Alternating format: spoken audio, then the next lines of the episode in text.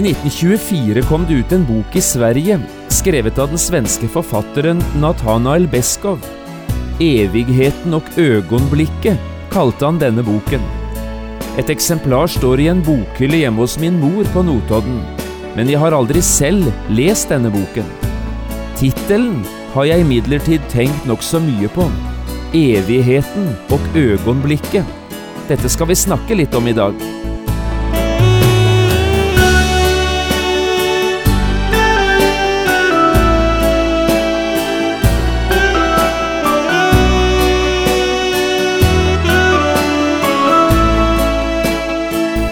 Hjertelig velkommen til et nytt program i serien Vindu mot livet. Programmet er produsert av Kristen Riksradio og blir ledet av Jon Hardang.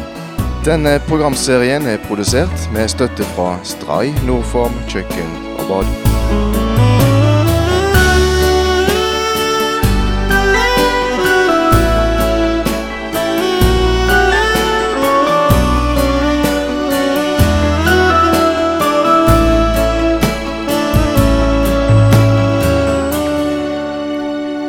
Vi skal i dag fortsette denne nye bibelundervisningsserien som jeg har kalt Steinene taler. I 18 program skal vi prøve å løfte fram en del steiner i Bibelen, og høre hva disse har å fortelle oss. For steiner kan tale. Det skal du etter hvert få en god del eksempler på. Du kan også få kjøpt denne programserien på CD ved å henvende deg til P7 Kristen Riksradio.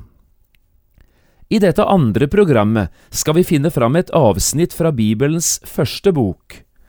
Her møter vi patriarken Abraham, og du skal få høre om noe av det første han gjorde etter at han var kommet inn i det landet som Gud hadde lovet å gi han, Kanans land. Vi leser fra Første Mosebok i kapittel tolv, og vi leser versene seks til åtte. Jeg har kalt dagens program Et alter for Herren. Og Abraham dro gjennom landet til stedet Sikem, til Mores terebintelund. Kananeerne bodde den gang i landet. Da åpenbarte Herren seg for Abraham og sa, Din ett vil jeg gi dette landet. Og han bygde der et alter for Herren, som hadde åpenbart seg for ham. Derfra flyttet han til fjellet øst for Betel, og han slo opp sitt telt mellom Betel i vest og Ai i øst. Han bygde der et alter for Herren og påkalte Herrens navn.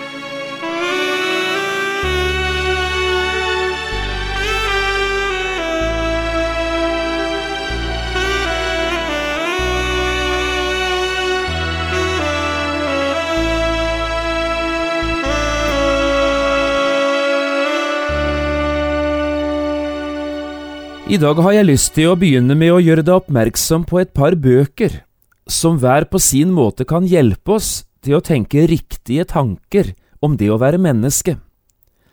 Disse to bøkene er skrevet av ulike forfattere, og de er nokså forskjellige fra hverandre. Men de har det til felles at de begge trykker på samme hovedsaken. Den ene boken er svensk, den andre norsk, og jeg begynner med den svenske. I 1924 kom det ut en bok i Sverige, skrevet av den svenske kunstneren, forfatteren og fredsaktivisten Fredrik Nathanael Beskov. Boken hadde tittelen Evigheten og øgonblikket. Jeg har aldri selv lest den boken, selv om det står et eksemplar av den i en bokhylle hjemme hos min mor på Notodden.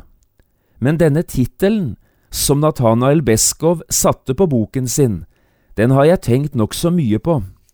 Evigheten og øgonblikket. Denne boktittelen forteller nemlig om de to eneste tingene vi virkelig eier eller har som mennesker. Vi har evigheten, og vi har øyeblikket. Alt annet er bare et lån, gitt oss for kortere eller lengre tid. Nå er det spesielle at de fleste av oss likevel innretter oss slik at det ser ut som om vi har tenkt å være her i verden bestandig. Og alle de tingene som egentlig bare er et lån, Vi oppfører oss som om vi skal beholde dette for all tid. Bare tenk deg litt om. Hus og hytte, bil og båt, venner og familie, helse og penger. Alt dette er viktige, men likevel bare timelige ting. Og hvor mye av livet vårt går likevel ikke med til å ta vare på alle disse tingene?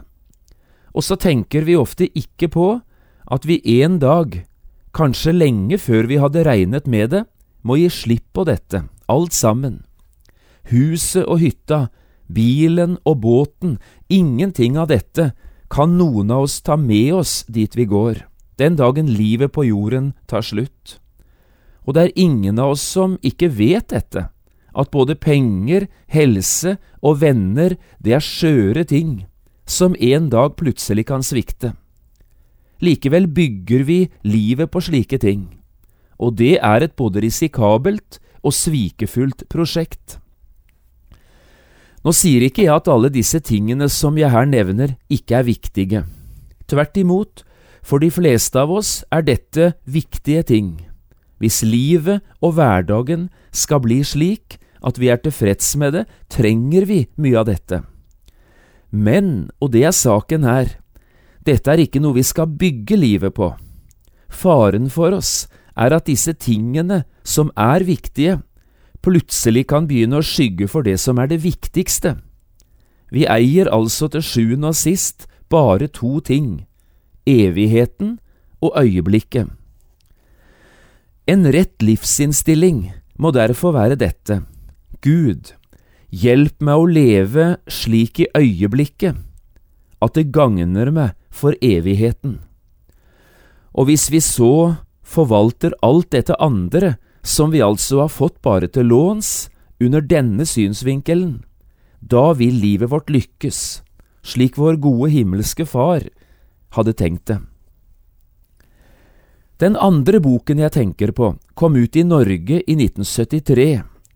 Den ble skrevet av misjonsskolelærer Øyvind Andersen.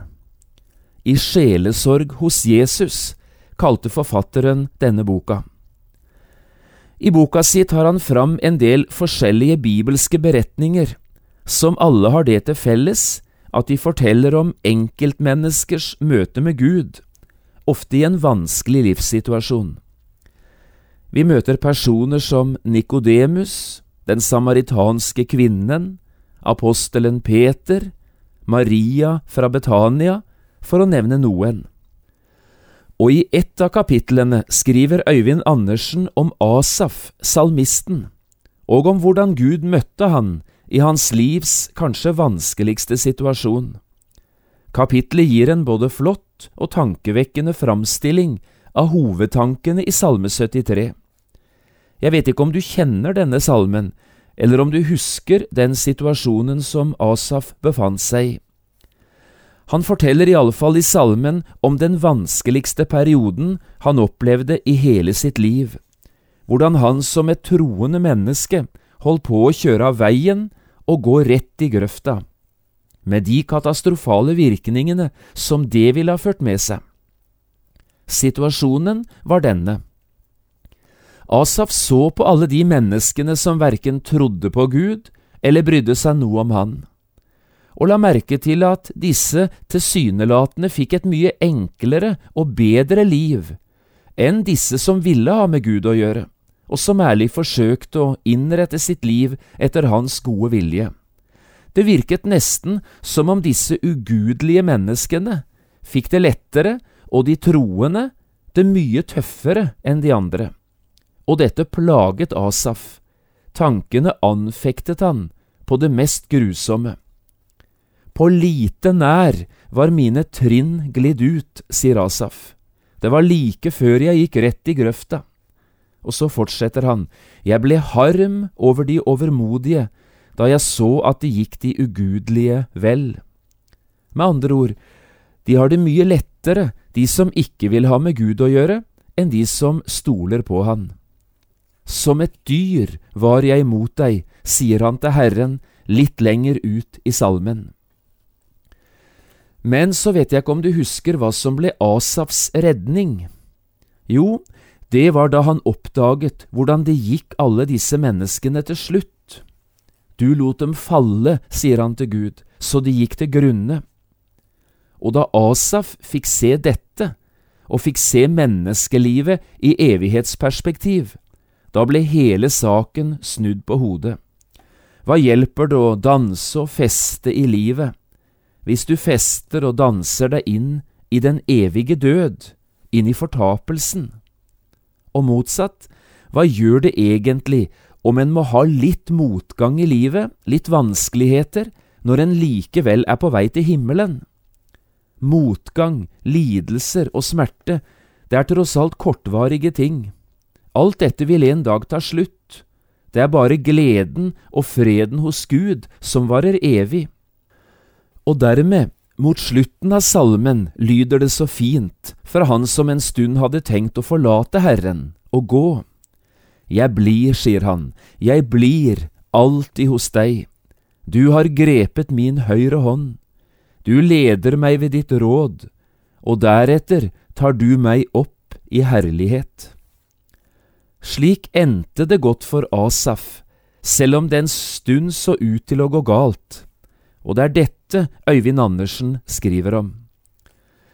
I denne sammenhengen stiller han også noen viktige spørsmål i slutten av kapittelet, og nå vil jeg gjerne sitere litt av det han skriver. Hør på dette.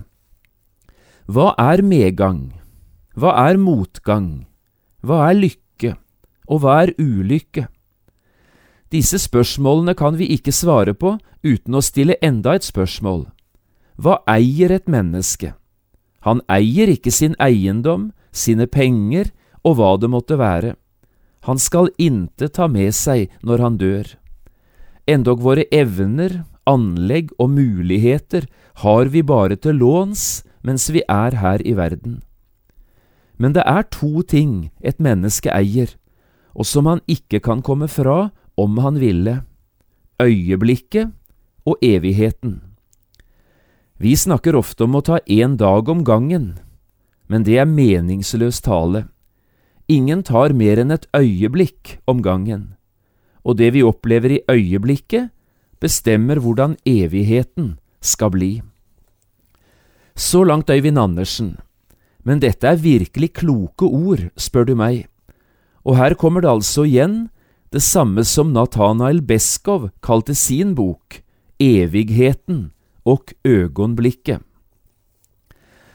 Ja, er det kanskje noen som nå spør, men hva har dette med Abraham å gjøre, og det du leste fra begynnelsen i dag, fra første Mosebok tolv? Jo, svaret er ganske enkelt, det er nøyaktig det samme, det vi her leser om Abraham, som det Asaf opplevde, og som Øyvind Andersen altså skriver så fint om. I Salme 73 får vi høre om evigheten og øyeblikket. Og i historien om Abraham får vi høre om alter og telt. Men det er nøyaktig samme sak. Dette er evigheten og øyeblikket, også i Abrahams liv. Det var to ting Abraham var opptatt med hver eneste gang han kom til en ny leirplass, og det var dette vi hørte litt om her i begynnelsen av første Mosebok tolv. Først står det Abraham reiste et alter for Herren, og så står det videre Abraham slo opp sitt telt. Her har du de to tingene, et alter og et telt, og det er i overført betydning evigheten og øyeblikket. Kanskje vi skulle lese det en gang til, det vi hørte her i Første Mosebok tolv. Først leste vi det altså slik. Abraham dro gjennom landet til stedet Sikhem, til Mores terebintelund.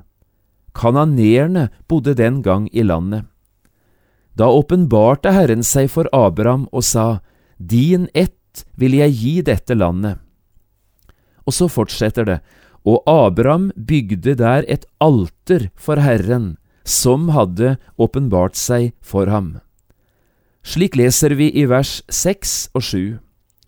Dette er altså det første Abraham gjør, han reiser et alter for Herren. Og så leser vi i vers åtte. Derfra flyttet han til fjellet øst for Betel, og han slo opp sitt telt mellom Betel i vest og Ai i øst. Han bygde der et alter for Herren og påkalte Herrens navn. Så skjer det enda en gang, men nå på den nye leirplassen, at Abraham reiser et alter for Herren. Men her får vi også høre at han reiste noe annet, nemlig sitt telt. Slik hadde det selvsagt også vært i Sikhem, og slik blir det her, på leirplassen mellom Betel og Ai. Hele veien, hele livet, bodde denne Abraham bare i telt. Og det er altså dette du skal merke deg i dag, alteret og teltet. Alteret, det forteller oss om en mann som hadde syn for å leve Gud nær i hverdagen. Alteret, det er øyeblikkets monument. Jeg vil leve med Gud, sier Abraham på denne måten, jeg vil gjøre det i dag og alle dager. Teltet forteller om en mann som visste det, jeg skal ikke være her bestandig, snart skal også jeg bryte opp fra denne leirplassen og gi meg på vei til en ny leirplass. Dette er evighetsperspektivet for Abraham. Jeg skal ikke være her bestandig.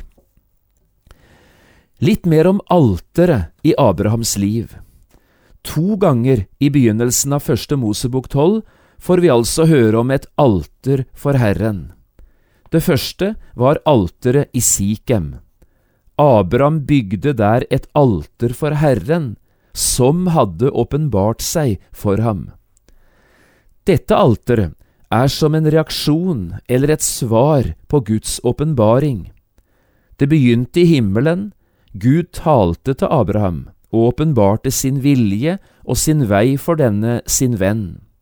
Og så svarer Abraham ved et alter som han selv har reist. Her bøyer han sine knær i takknemlighet og i tilbedelse. I Sikhem møter vi Abrahams første alter for Herren, og det var et tilbedelsens alter, et svar på Guds tale. Og så står det videre slik, på den nye leirplassen mellom Betel og Ai. Abraham bygde der et alter for Herren og påkalte Herrens navn. I Sikhem hadde det begynt i himmelen med at Herren åpenbarte seg. På den nye plassen mellom Betel og Ai begynte det på jorden, det begynte hos Abraham, som påkalte Herrens navn. Dette andre alteret er et bønnealter, et sted for bønn og påkallelser, for takknemlighet og for forbønn. Også dette hørte med i Abrahams liv, bønnealteret. Hadde vi så fortsatt med å lese Første Mosebok 13, ville vi der ha hørt at Abraham kommer til enda en ny leirplass, til Hebron, og igjen brukes de samme ordene. Abraham flyttet sine telt, han kom til Mamres terebintelund i Hebron, og der bosatte han seg. Der bygde han et alter for Herren.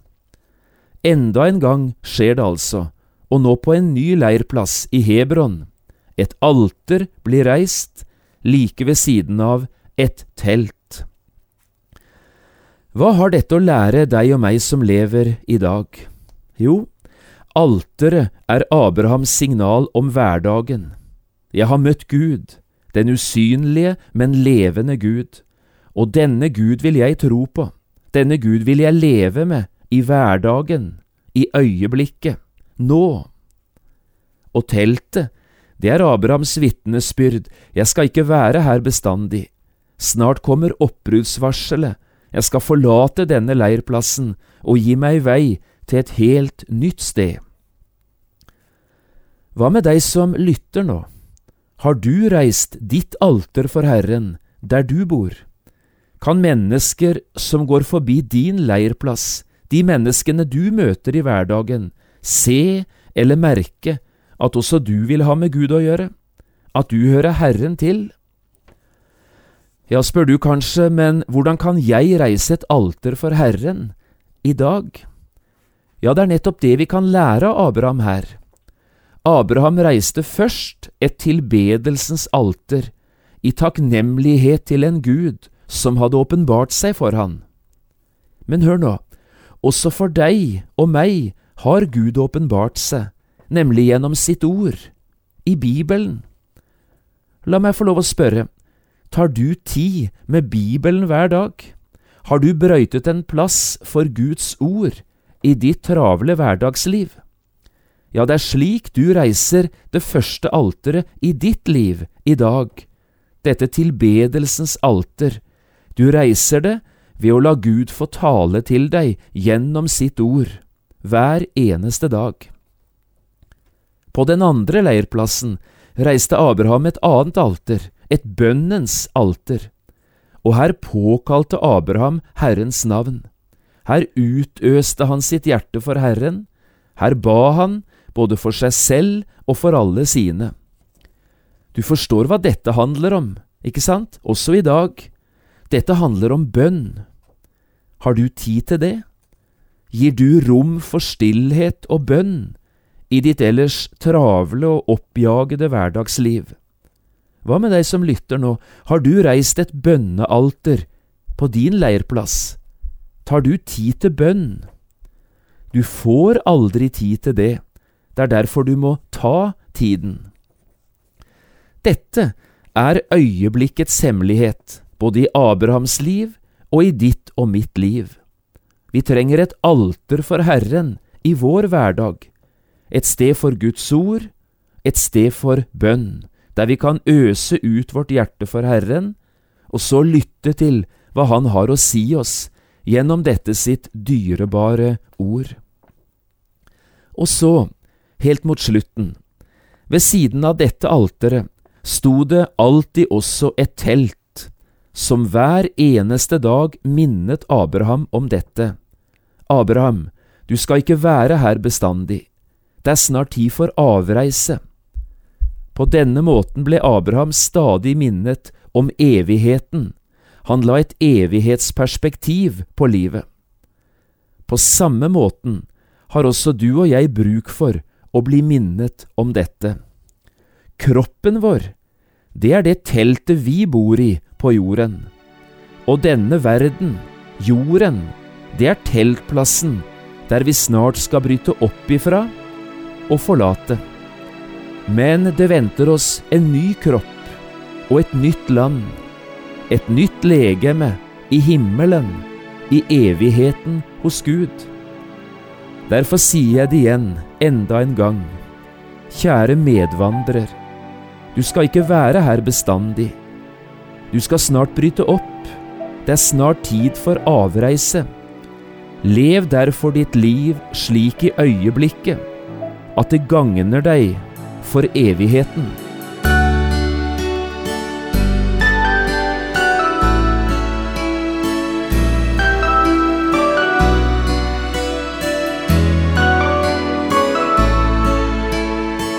Du har lyttet til et program i serien Vindu mot livet med John Hardang. Programmene i denne serien kan også kjøpes på CD fra Kristen Riksradio, eller høres på internett på p7.no. Har du spørsmål eller kommentarer til det du nå har hørt, kan du ta kontakt med oss. Adressen er Kristen Riksradio, Skiene 2, 5353 Straume. Eller send en e-post vml alfakrøll p7.no.